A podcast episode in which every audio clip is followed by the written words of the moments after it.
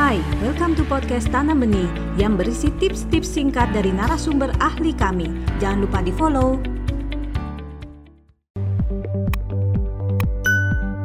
Nah, saat ini role-nya aku itu sebagai business director, kerjaannya itu lebih ke gimana caranya kita dapetin klien, bagaimana caranya dapetin tim, interviewin, udah gitu menentukan oke okay, yang ini sesuai, yang ini nggak sesuai.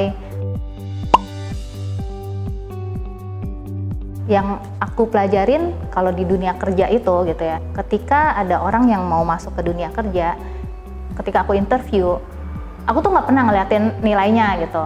Nilai itu sesuatu hal yang sangat jarang sekali untuk jadi bahan pertimbangan gitu.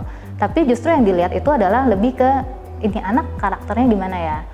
Nah itu yang aku pelajarin gitu dan aku mau ketika nanti anakku juga udah besar dia punya nilai-nilai itu dia punya karakter-karakter itu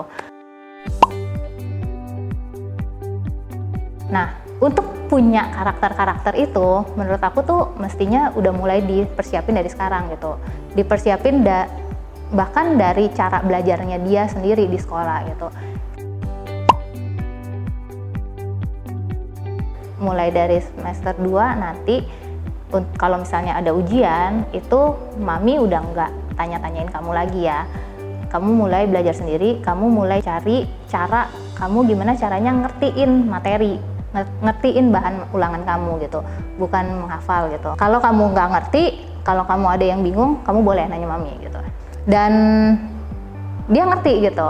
Maksudnya dia tahu cara belajar itu bukan menghafal. Cara belajar itu ya dia ngertiin dia baca dia ngertiin dan dia cerita gitu. Oh, oh yang dia ngertiin adalah begini begini begini gitu.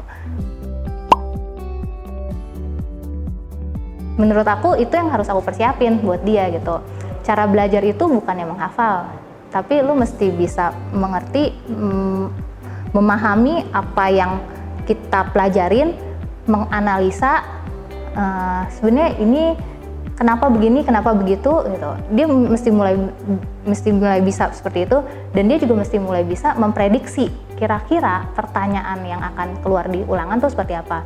Makanya aku tuh nggak mau kayak nanyain dia gitu. Misalnya ibu Budi pergi ke pasar membeli aku udah nggak pernah nanyain dia kayak gitu. Karena aku maunya dia bisa memprediksi kira-kira apa sih yang bakal keluar nih pas ulangan. Karena itu yang terjadi kalau misalnya nanti kita di dunia kerja gitu. Kita nggak akan dikasih tahu sama klien pas kita meeting misalnya ya pas kita meeting gitu.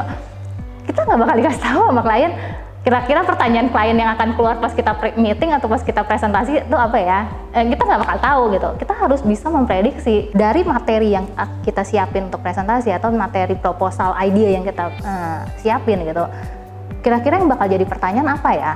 Kira-kira yang bakal jadi pertimbangan dari orang lain tuh apa ya? Kira-kira yang nggak bakal works itu seperti apa ya? Itu kita belajar memprediksi gitu. Makanya kenapa aku coba push dia kayak gitu gitu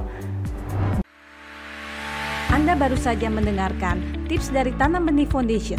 Mari bersama-sama kita terus belajar untuk menjadi orang tua yang lebih baik demi generasi yang lebih baik. Jangan lupa follow podcast kami